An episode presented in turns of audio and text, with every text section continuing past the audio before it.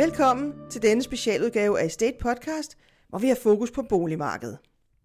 Det har vi, fordi Boligdagene 2022 er netop overstået. Todagskonferencen løb af stablen i sidste uge, og det var en ændret dagsorden i forhold til de seneste år, for der er nye signaler i markedet. Renten er stigende, inflationen er stigende, og dermed er købekraften under pres.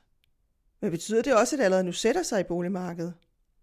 Det kom i hvert fald an på, hvem man spurgte i sidste uge. For mens Nordeas cheføkonom Helge Petersen var skeptisk, ikke mindst fordi forbrugertilliden er i bund, så kunne mælere fra hele Danmark melde om boligmarkedet, hvor det største problem er, at de ikke har nok til salg. Sandheden? Ja, den ligger nok et sted midt imellem. Men de mange indlæg og debatter på boligdagene om meget forskellige problemstillinger, lige fra byudvikling til kampen mellem land og by og den blandede by, gav stof til eftertanke for de godt 160 deltagere. Estate Podcast talte med tre af deltagerne efter konferencen om deres syn på boligmarkedet, og de vigtigste problematikker for dem netop nu. En af dem, der var med, var Svend Petersen, mangeårig administrerende direktør fra entreprenørfirmaet HHM.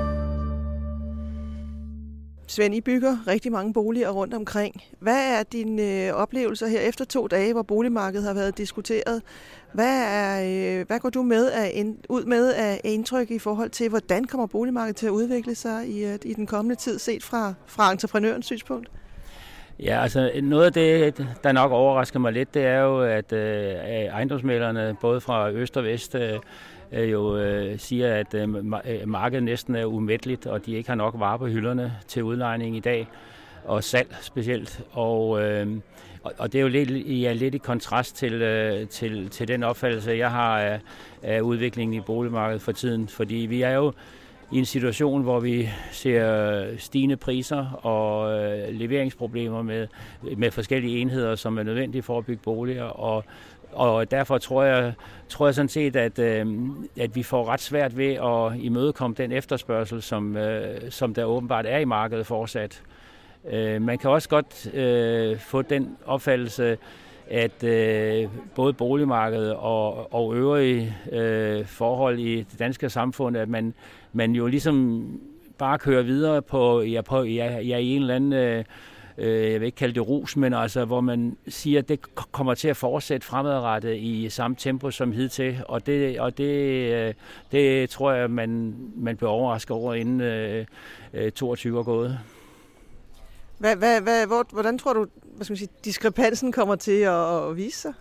Jo, hvis vi øh, som, som entreprenører øh, bliver mødt med prisstigninger fra, øh, fra vores leverandører, og der, der, er, øh, der er ublå prisstigninger i markedet for tiden. Det, det er både betonelementer og, og øh, alle leverandører, som, som skruer priserne op. Og hvis øh, den samlede pris for et byggeri stiger mellem 10 og 20 procent øh, inden for et halvt år, øh, så er der jo mange øh, ejendomsinvestorer, øh, private ejendomsinvestorer i hvert fald, som øh, slet ikke kan, kan gennemføre deres projekt, fordi fortjenesten i sådan et boligprojekt, det er jo ikke den øh, ligger jo typisk mellem øh, 10 til maksimalt 15 procent af, af summen. Ikke? Og hvis det, det bliver spist op af, af prisstigninger for at bygge det, så, så går tingene i stå. Øh, og, det, det, og, og den opbremsning ser vi lidt nu. Øh, jeg, jeg, har, jeg har selv en del private ejendomsinvestorer, øh, som, som siger, at vi projekterer og vi kører videre, og så må vi håbe på, at friserne falder, inden vi skal i gang med at bygge. Så man kan sige, at der er lidt en, en forskel på den måde, boligmarkedet er lige nu faktisk, og så det, vi måske ser ind i på en 6-12 måneders basis? Det er helt sikkert. Der er kommet kom til, til at ske rigtig meget øh, med opbremsninger af, af specielt mindre private projekter. Øh, der, er, der er selvfølgelig nogle pensionskasser og, og øh, måske også andre investorer, der har, ja, der har et lidt andet syn øh, på det, som er i gang med nogle projekter, og dem gennemfører de forhåbentlig øh, som planlagt. Men, men det kan jo også afsmitte øh, deres investeringsløst med hensyn til nye projekter. NREP har, som de fleste i ejendomsbranchen har opdaget de seneste år, en stærk ekspansiv strategi. Sofie Roskov var for få måneder siden i spidsen for at købe en betydelig portefølje af eksisterende boligejendomme i Odense, men NREP er også i gang med flere andre projekter, som udvikling af bydelen UN17 i Ørestad, og flere seniorboligkoncepter i eget regi, og via ejerskabet af projektudviklingsselskabet Tetris. Sofie Roskov var også med i den afsluttende paneldebat på boligdagene, hvor jeg var moderator, og vi talte om, hvad det kommende år kommer til at byde på investeringsmæssigt. Og Sofie, vi diskuterede i øh, paneldebatten det her, hvad skal man investere i i det kommende år? Hvor bekymret skal man være over situationen øh, i forhold til stigende renter, men også samtidig, at der er en stor efterspørgsel i markedet. Hvad var det NREPs holdning til det her? Jamen, vi ser jo lidt, lidt modsatrettede tendenser i, i markedet i virkeligheden. På den ene side, så ser man jo den her øh, flugt til sikkerhed og, og flugt til kvalitet, hvor, hvor boliginvesteringer generelt står meget højt på, på investorernes ønskeliste. Øhm, omvendt set, så er der jo, som du siger, rigtig meget usikkerhed i, i markedet lige nu. Afkasten er kommet ned på et meget lavt niveau, og det gør jo også, at, at man er ekstra udfordret fra et, øh, fra et finansieringsperspektiv. Så, så fra NREPs øhm, perspektiv, så... Øhm, så er vores hovedfokus, det er øh, risikoafdækning. Øh, og det gælder, øh, det gælder sådan set hele vejen rundt. Det er især øh, hedging på finansieringssiden, det er fastprisaftaler på, øh, hvad hedder det, øh, entreprisekontrakter. Øh, og så er det også en stigende grad at kigge efter stående aktiver, som jo i sagens natur har en mindre risiko end, øh, end udviklingsprojekter. Og hvis du skal sådan se lidt på, hvad er det for nogle projekter, I så går efter? Fordi I arbejder jo meget med, at det skal have en bæredygtig profil, men samtidig vil I jo også godt have et fornuftigt afkast. Så hvordan forener man de to ting? Jamen, det er jo det, øh, hvad hedder det, den helt store øh, udfordring i dagens marked. Øh, vi tror meget på, at hvis man gør det rigtige, og hvis man tager de rigtige investeringer i, i bæredygtighed, øh, både i forhold til CO2-udledning og også, også socialt, jamen så vil man at the end of the day få en øh, green premium. Øh, og hvis man ikke gør noget, så får man en brown discount. Det kan godt være, at vi ikke kan se den her og nu, men vi tror altså, øh, helt ind i vores kerne på, at, at det vil man kunne se øh, på den lange bane. Øhm, den måde, vi sådan helt konkret gør det på, jamen, jamen, det er blandt andet ved at have sådan nogle mere eksperimenterende projekter, hvor vi afprøver øh, nye teknologier øh, og nye initiativer for at se, jamen, hvordan kan vi komme så tæt på et øh, net zero-projekt som muligt, for så senere at skalere de her ting ud på, øh, på vores portefølje øh, mere bredt. Hvad, hvad gør I mere specifikt i forhold til at få sådan en, en helt øh, portefølje af ejendom i Odense, som I har købt, til at leve op til jeres bæredygtige øh, ambitioner? Jamen på sådan en, en portefølje som den, så, så har vi grundlæggende den filosofi, at vi vil gøre ejendommen bedre for brugeren. Øh, og vi tror på, at det også kommer til at gavne os på bundlinjen. Så det er ikke kun et spørgsmål om at lave bæredygtige investeringer, øh, men det er også et spørgsmål om simpelthen at forbedre ejendommene. Så, så der kigger vi blandt andet også på, på biodiversitet, på at skabe nogle fællesarealer, der hvor der er mulighed for det, og, og så selvfølgelig solceller, bedre isolering. Vi tager ligesom de store greb. Altså, så kan godt være, at taget kan holde 10 år endnu, men hvis det er bedre at skifte nu og isolere det nu, øh, for at nedbringe CO2-udledning, jamen, så tager vi altså de store investeringer øh, før i tid. Hvad synes du var det mest interessante ved den debat, I havde øh, i fire investorer, der var i panelet? Mm, jeg synes, at noget af det, det mest interessante, det er det, det her med, øh, med det langsigtede, og, og ejendom er jo en meget langsigtet øh, asset class, og vi er jo nødt til at tage de rigtige beslutninger i dag, som, som, øh, som gavner øh, os og samfundet øh, på den lange bane. Lige nu står vi i et meget usikkert sted i markedet, og man kan, som der også var nogle paneldeltagere sagde, man kan være fristet til at kigge på tingene meget kortsigtet.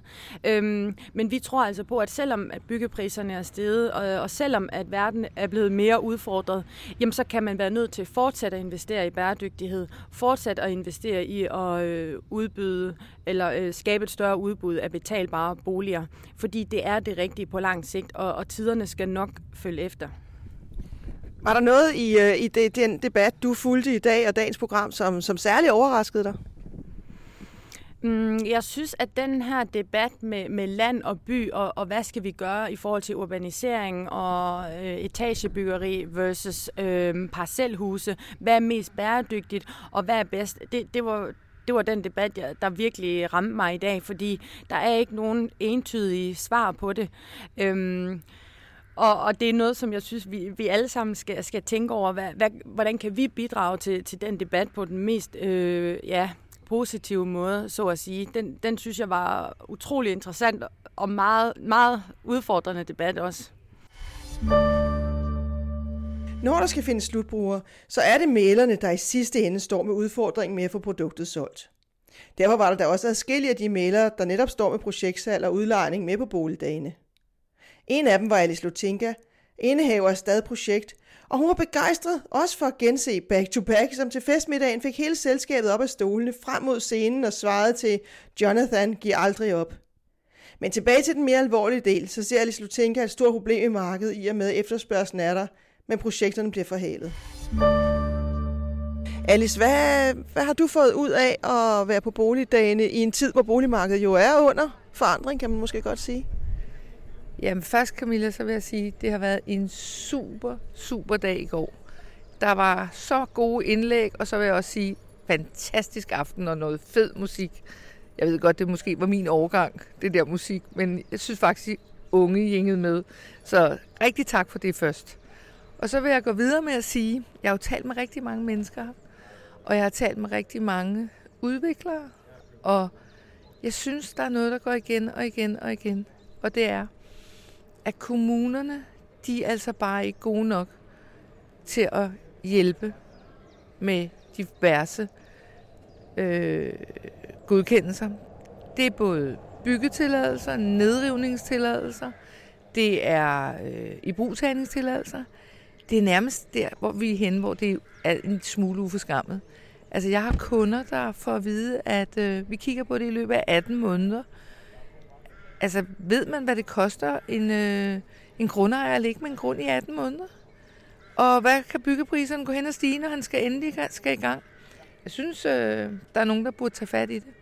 Og øh, jeg vil gerne være forgangsmand, men jeg, jeg, alle har jo en angst for at med navn nævnelse og gå ind og sige, ja, jeg synes også, at sådan og sådan. Så er de jo bange for, at deres projekt ikke bliver godkendt, eller de får det endnu sværere, end det de har i forvejen. Nu havde vi en snak i går blandt andet med en borgmester, og der var også flere paneler med, med offentlige embedsmænd. Men, men hvad synes du, og de begrundelser, der kommer, kan du bruge dem til noget? Fordi det handler jo også om, at der måske er nogle ting, der er blevet mere kompliceret i forhold til myndighedsbehandling og brand og andre ting. Altså, jeg har jo projekter, hvor alt er godkendt, brand og alting, og alligevel så kan de jo finde på at sige, at øh, vi kan ikke udstede en ibrugtagningstilladelse inden weekenden, Alice, fordi hende, der skulle udstede den, hun er på, gået før på barsel, så vi har ikke nogen før på tirsdag, og alle folk skal flytte ind dagen efter. Det er sådan nogle urimelige forhold.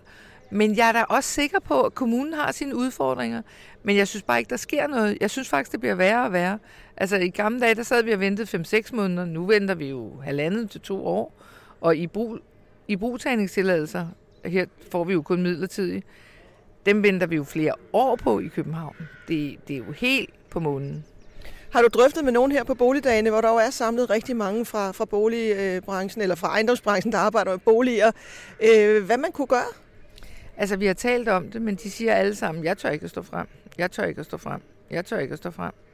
Så øh, jeg tror ikke, at man får sådan en projektudbyder. De, de prøver bare at lempe sig igennem mest muligt. Og, og her, altså, her taler jeg jo om, at de arbejdspladser, der er afhængige af, at det her går i gang, altså også min virksomhed, det flytter sig jo også ind hos mig. De ting, jeg skulle lege ud eller sælge øh, om 12 måneder, de, de kommer ikke, fordi de, de bliver rykket måske to år.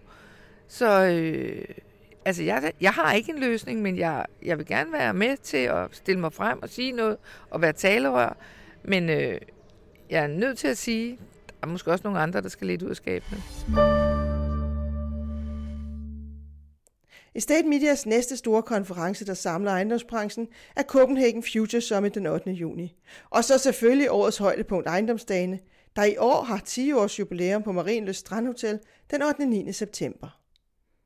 Men det ser ud til, at der inden da nok skal ske nå at ske en masse i boligmarkedet. Mange tak, fordi du lyttede med til denne udgave af Estate Podcast.